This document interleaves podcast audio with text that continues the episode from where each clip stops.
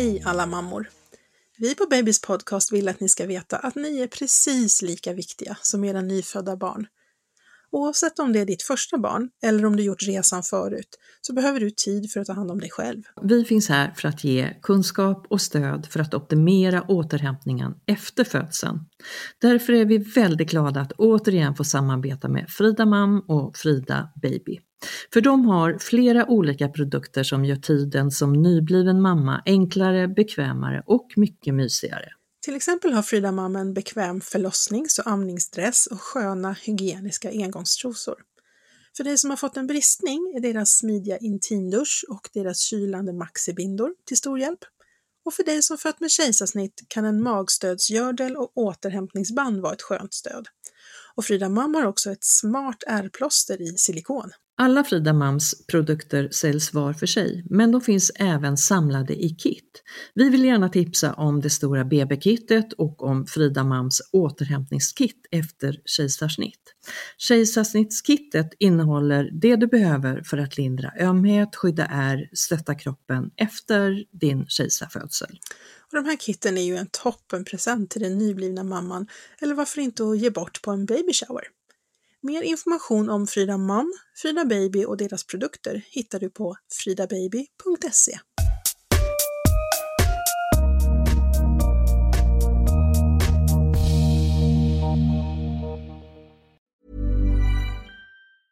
Välkomna till Återrätt Babys podcast. Jag heter Karina, jag är barnmorska. Jag heter Rebecka och jag är gynekolog. Och vi har ju fått eh, ett antal gånger eh, frågan om bröstböld, Rebecka. Jag tänkte att vi skulle, mm. ja, vi ska grotta ner oss lite i det här, men bara lite. Ja, men det kan vara bra att förklara vad det är och vad det beror på och lite behandlingsprinciper, tänker jag. Mm. Mm. Men det är väl värt att nämna att det här är ganska så ovanligt, men jättejobbigt för de som drabbas av en bröstböld vid amning. Kan vara vid andra tillfällen också, men idag pratar vi om bröstböld vid amning. Och vi ska väl säga Rebecka att vi är ju podden med barnmorska, förlossningsläkare, gynekolog som du är som tar upp många ämnen och vi pratar ju fakta, vetenskap, forskning eh, och gör djupdykningar där i blandat med förlossningsstories och om graviditeter tiden därefter också för den delen. Men vi vill ju att ni där ute ska känna er trygga med den kunskap som vi kan förmedla till er så att ni får rätt behandling eller att ni själva liksom söker när ni bör. Så bröstböld eh, vid amning, eh, häng med in i avsnittet.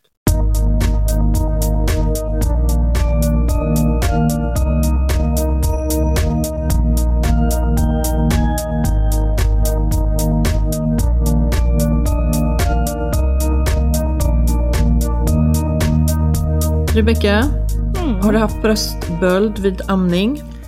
Nej, det har jag inte haft. Tack och lov. Ja. Eh, det är synd om de här kvinnorna som drabbas av det. Ja, Väldigt alltså jag... jobbigt men övergående. Precis. Nej, jag har ingen egen personlig erfarenhet men däremot eh, efter alla år både på gynakut och mycket på BB-mottagning så har jag träffat många och eh, behandlat många och tröstat många. Eh, det är inte jättevanligt, men de som drabbas så är det tufft. Liksom. Eh, det kan ta lite tid innan det blir bra. Men det blir bra. Det blir ju bra, det blir ju bra. Men jag håller med dig. Eh, här som alla andra gånger så behöver vi ge mycket stöd och information. Eh, och det vi kanske ska börja säga att, att bröstböld det är vanligast eh, 3 till 8 veckor postpartum, alltså efter eh, förlossning, mm. Mm. om du ammar.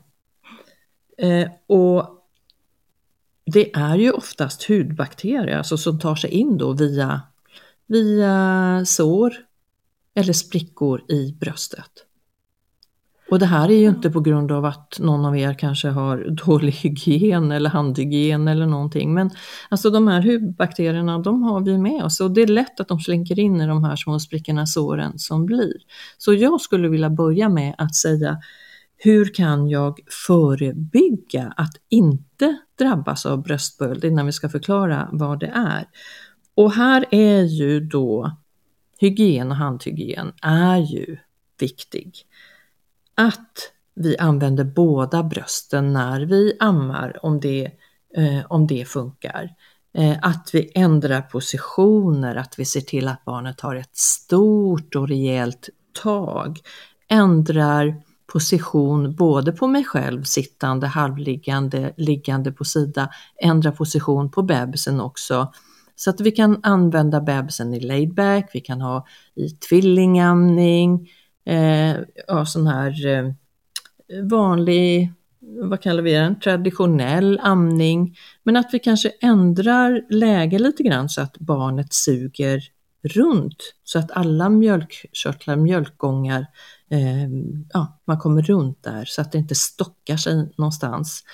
För bröstböld blir ju alltid, det måste väl föregås med en, det vi förr kallade för mjölkstockning eller mjölkstas, eller det vi kallar också mastit, att det är en inflammation eller infektion i bröstet från början. Är det inte mm. så, Rebecka? Alltså det allra vanligaste är ju att det har varit en infektion först liksom, i bröstvårtan eller en, en mastit. Det finns några som får en bröstböld utan att ha märkt någonting innan, men det är väldigt sällsynt. De flesta beskriver ju att det har varit trassel ett tag innan med andra saker. Jag, jag tänkte på en sak Carina, jag skulle fråga, det med, med de här råden som du gav. Jag tänkte på det här med eh, liksom inlägg i, i amnings-bh mm. att mm. det inte ska läcka. Yeah. Att, att man går med dem liksom länge och att de är blöta, att det blir lite varmt och fuktigt. Det tänker jag också är en grogrund. Mm, så att man tänker på att byta de där inläggen ofta, att lufta brösten ofta. Mm. För blir det tätt och varmt så är det liksom mums för både bakterier och svamp faktiskt. Absolut, mm. det, det är så rätt. Och när, alltså jag tänker mer de här positionerna, amningsteknik och så vidare för att undvika att få de här mm. eh, såren eller sprickorna. Man kan ju få sår och sprickor, man kan fortsätta amma för det. Det är inte farligt, men man ska se till att man eh, ändå minimerar risken för att det är. Och att där då lufta mycket bra, byta de här inläggen ofta, men också använda bröstmjölken som innehåller, det är bakteriedödande och, och, läkande på många olika sätt. Så, så använd bröstmjölk och låt det få lufta så. Eh, kanske redan innan det har blivit sår eller sprickor och även när det har blivit sår eller sprickor så kan du eh, använda dig av din egen bröstmjölk att liksom eh, smörja in. Det läker Mm. Jättebra. Och ta det där när du känner att det är amningskrångel, att du ser till att du tar hjälp både på BB och hoppas verkligen att vi är bra nog för dig att ge dig alla de här eh, teknikerna och, och, stödet som, som du behöver. Annars så finns ju amningsmottagningar och digitala appar som det som modernt finns många av idag så att du tar hjälp så att du slipper få mjölkstockning, mastit och mm. sen mm. vilket kan då leda till bröstböld. Mm. Vilket är ju superjobbigt såklart. Jag vill också slå ett litet slag för BVC. Där. Man kan eh, också prata med sin BVC-sköterska. Absolut. Eh, De har ju jättemycket erfarenhet att vi använder och, och alla ofta, proffs. Ja, ofta är det så, på, på många BVC-mottagningar som jag känner till så är det också så att alla kan amning och alla liksom kan eh, mastit och bröstböld. Men man brukar ha, ofta ha en person som är amningsansvarig.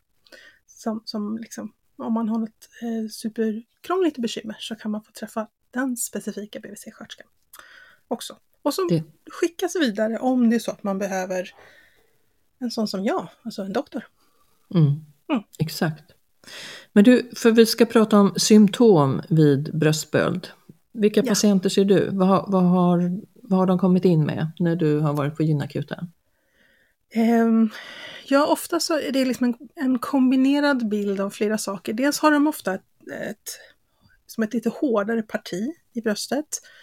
Eh, på bröstet så kan det vara eh, rött. Eh, bröstet är spänt och sen så är huden liksom lite röd och glansig. Ehm, kan fjälla lite i huden precis i närheten av den här bröstbölden väldigt vanligt att man har liksom en sån här sjukdomskänsla, att man känner sig lite hurven, typ influensakänsla, ont i kroppen, kanske feber. Eh, har man feber så är det oftast den här typen som liksom svänger upp och ner. högt ena dagen och sen är det lågt och sen är det högt igen. Eh, ja, ont i bröstet. Eh, ibland så kan bröstvårtan vara lite förskjuten, att den pekar snett liksom, mot vad den brukar göra. Det kan också vara ett tecken på att det är någonting inne i bröstet som trycker på den normala vävnaden helt enkelt. Och som du sa, det här med sprickor och sår. Väldigt vanligt att det är en bröstvårta som är sårig och sprucken och irriterad. Och finns det några riskfaktorer? Alltså man, man ser i litteratur idag komplicerade förlossningar till exempel mm. skulle mm. vara en riskfaktor. Har du fler? Det är lite vanligare när det är första barnet eh, än andra eller tredje. Det är eh, lite vanligare hos kvinnor som är över 30. Eh, lite vanligare, alltså har man haft besvär tidigare, alltså, eh, antingen i den här amningsperioden eller vid tidigare barn, tidigare mastit, tidigare bröstböld, så har man också en liten ökad risk. Och förr i tiden så sa man också när man var överburen, alltså när man hade gått över den här tiden, men idag ja. så sätts ju alla igång så att det... Ja, det är inte så många som passerar 42 plus Nej. 0. Nej. Nej.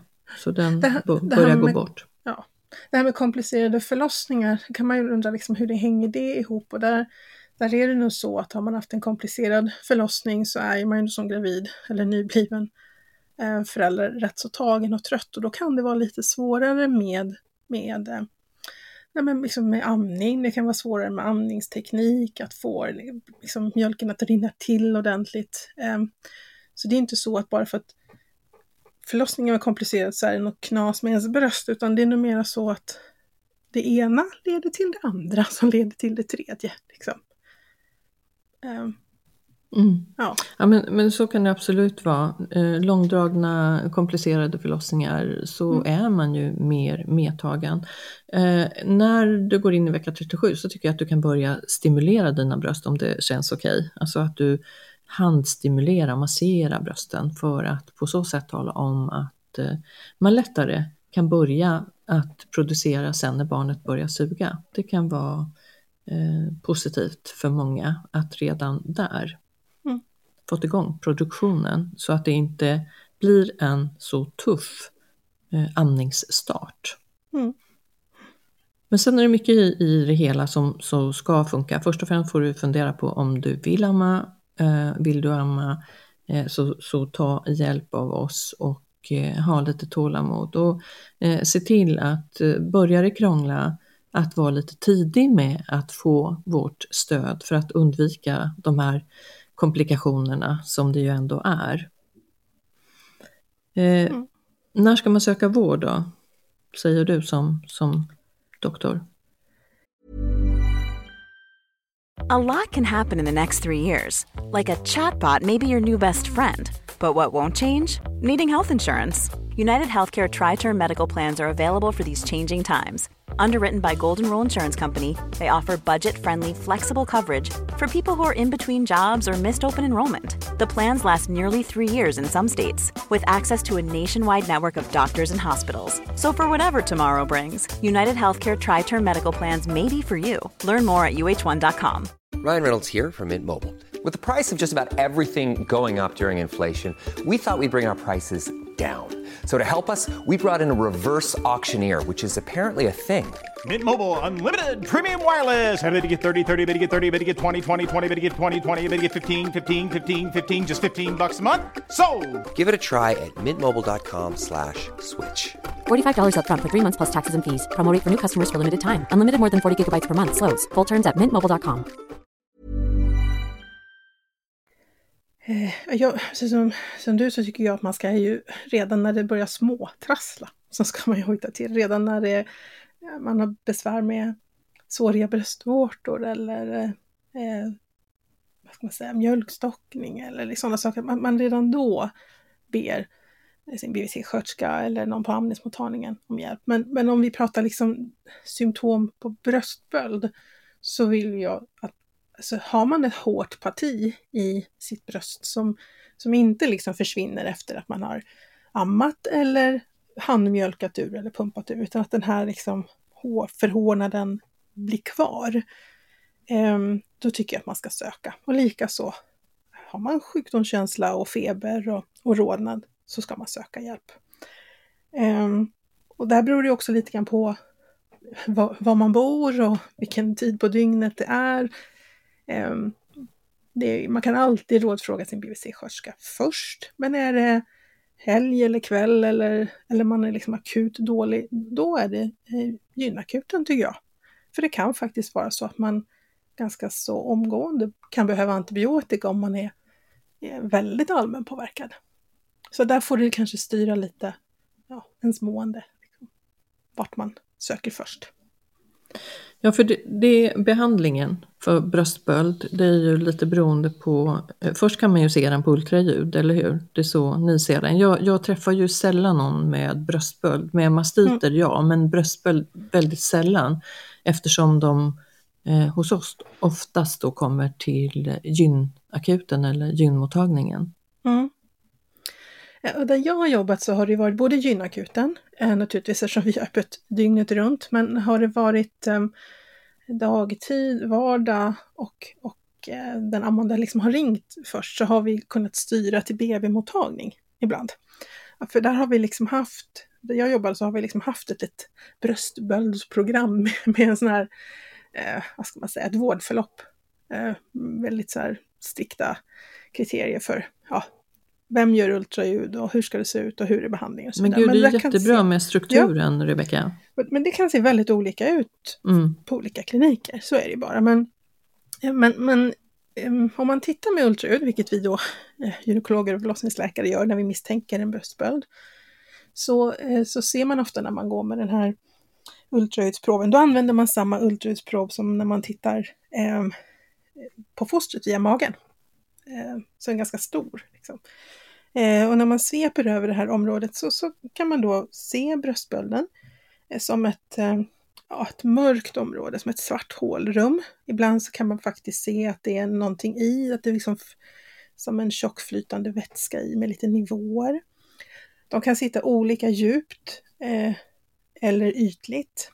De kan sitta väldigt långt in i bröstet eller nära huden. Eh, och lite beroende på hur stor den här bölden är så behandlar man på olika sätt. Om den är mindre än 3 cm i diameter, då brukar man göra något som heter punktion. Det vill säga man bedövar huden och så sticker man in i den här bölden, suger ut varet och så spolar man med lite eh, natriumklorid, alltså lite koksalt, för att liksom spola ur allt var och alla bakterier. Om det är en varböld som är större än 3 cm, då gör man ofta så att man lägger in en så kallad pigtail-kateter. Eh, och att den heter pigtail, det är helt enkelt för att när man lägger in katetern så är den rak. Man öppnar det här rummet där eh, ja, själva håligheten då med den här abscessen. Eh, och sen så lägger man in den här katetern och så drar man i ett snöre och då snurrar den här katetern ihop sig som en liten grisknorr. Eh, och då stannar den ju kvar, då åker den ju inte ut, ramlar ut direkt. Och då får den här katetern ligga kvar tre till fem dagar och så, så spolar man genom den här katetern med koksalt tre, fyra gånger om dagen för att liksom skölja ur det här och låta den här bölden få eh, ja, läka ihop och tömma sig sakta, sakta. Läka från botten och upp. Och innan eh, det så har du lokalbedövning, smärtlindring? Ja, och ibland så att göra punktion går oftast bra i lokalbedövning, det vill säga att man bedövar huden. Pigtail Ehm, kan det vara lite olika på olika ställen. Jag har gjort det både i lokalbedövning, men jag har också gjort det på operation. Eh, när det har varit en patient som har varit rejält smärtpåverkad, när man knappt har fått nudda bröstet, så har vi gjort en, en kort eh, sövning kan man säga, eller sedering, att man får liksom slumra till lite grann. Eh, för att det kan göra ganska ont när man öppnar den här bölden. Och sen får man då, om man har en sån här kateter som då får ligga kvar några dagar, Eh, då får man lära sig själv hur man sköljer den. Antingen att man gör det själv eller att ens partner gör det. Så den där kan man faktiskt få gå hem med och skölja och sen naturligtvis komma på återbesök. Eh, och på återbesöket så tittar vi ju igen med ultraljud för att se att den här verkligen har krympt ihop innan vi tar bort katetern. Det som vi tar ut ur den här bröstbölden, eh, det odlar vi på. Vi odlar också från bröstmjölken. för att se vad är det för typ av bakterie. Um, ja, är det någon ovanlig bakterie? Är det något som ska behandlas med antibiotika eller inte? Um, för det där är också lite individuellt om man får antibiotika eller inte. Det beror på hur stor bölden är, det beror på hur sjuk man är och så vidare. Så det är ibland antibiotika och ibland inte. Och ibland så får man ju ändra antibiotika när man får de här svaren på odlingen Ja. eh, med vilken typ av bakterier som Mm. ändå har varit, som har växt där. Precis. Så bör man ju kanske ändra sin antibiotikakur. Antingen så kan du mår du väldigt illa och är väldigt smärtpåverkad och inte klarar i Alvedon och Ipren, då kan du behöva enstaka doser med morfin och då blir man inneliggande och får Mm. det via dropp, alltså intravenöst. Och ibland kan man få, eller för det mesta får man ju tabletter med antibiotika om och när det behövs. Ja, så man, man, ibland om det är någon som är liksom, verkligen är sjuk, ordentligt påverkad, så börjar man med antibiotika i droppform och sen när, eh, när kvinnan mår lite bättre, eh, kan gå hem, infektionsproverna har sjunkit och ingen feber, så sätter man över på tabletter och så kan man fortsätta behandlingen hemma. Eh, och den vanligaste frågan som jag får då när jag skriver ut den här personen, skickar hem, det är Får jag amma? Vad tror du att jag svarar då, Karina? Ja, Ja, helst, säger jag då. Eh, det, det är väldigt bra att försöka fortsätta amma, även från det bröst där den här pigtail-katetern sitter, för att tömma bröstet. Och går det inte att amma så, eh, så brukar man tipsa om att man ska försöka handmjölka eller använda en pump.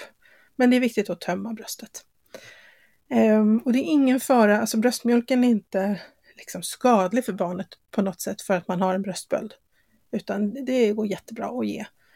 Ehm, och när vi ger antibiotika då ser vi till att det är en antibiotikasort som också är okej att ge under amning, som inte är negativ för barnet på något sätt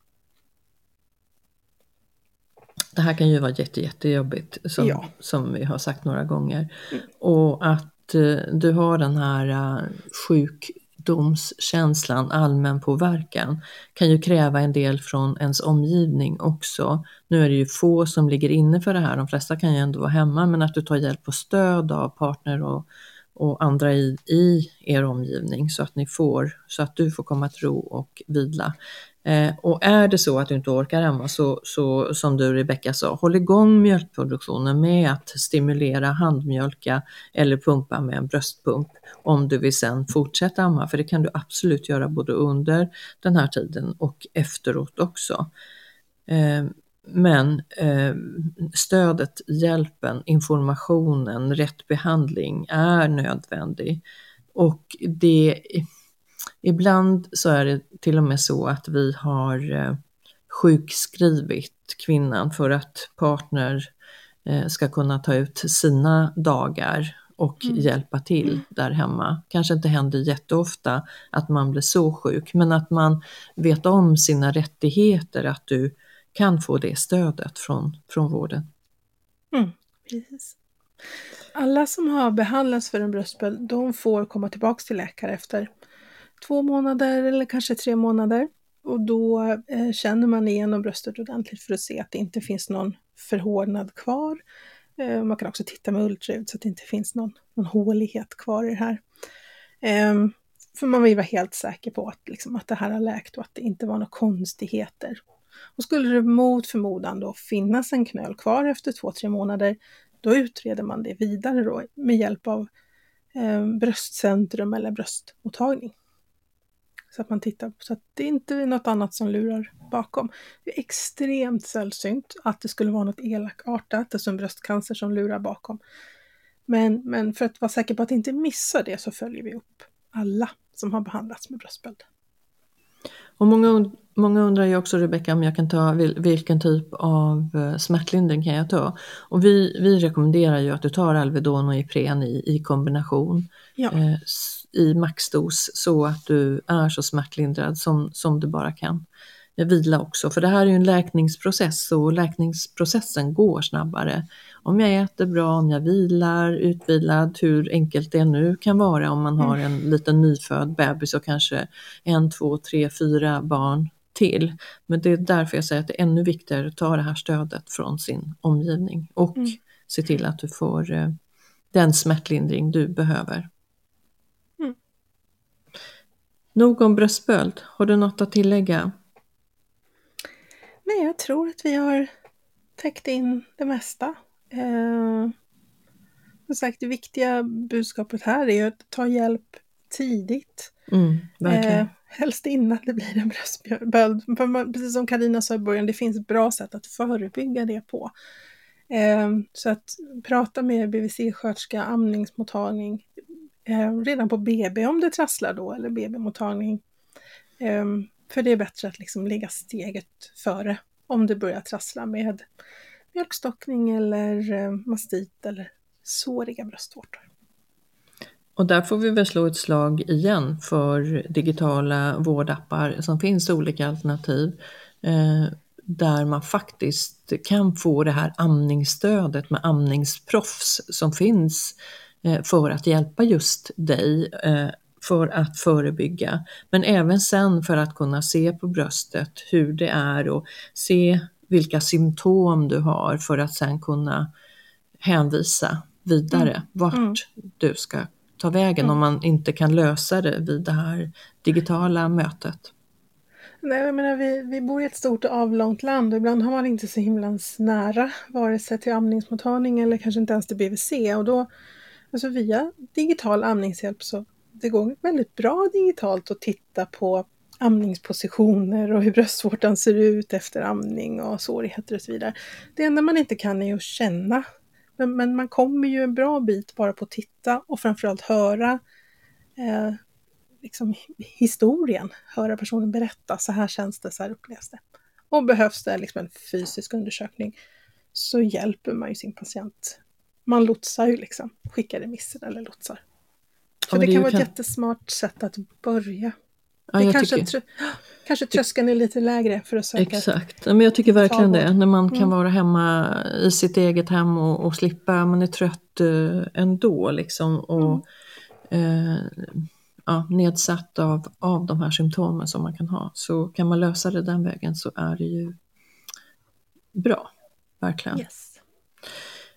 Bröstböld vid amning eh, har vi pratat om idag. Vi har många fler ämnen. Rebecka och jag pratar alltid utifrån fakta, vetenskap, men ibland så har vi också intressanta gäster i när vi pratar eh, graviditetsstories, förlossningsstories, berättelser. Men i många av våra faktaavsnitt också, Rebecka, så har vi ju enormt bra gäster experter inom sitt område som har forskat eller kan, ja, har, har ett specialområde helt enkelt. Mm.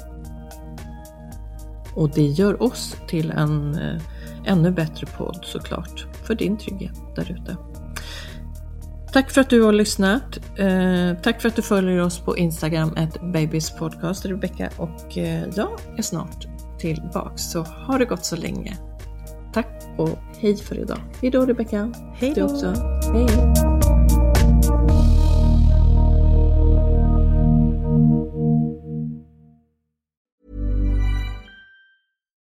Botox Cosmetic, out of botulinum toxin A, FDA approved for over 20 years. So, talk to your specialist to see if Botox Cosmetic is right for you. For full prescribing information, including boxed warning, visit BotoxCosmetic.com or call 877-351-0300. Remember to ask for Botox Cosmetic by name.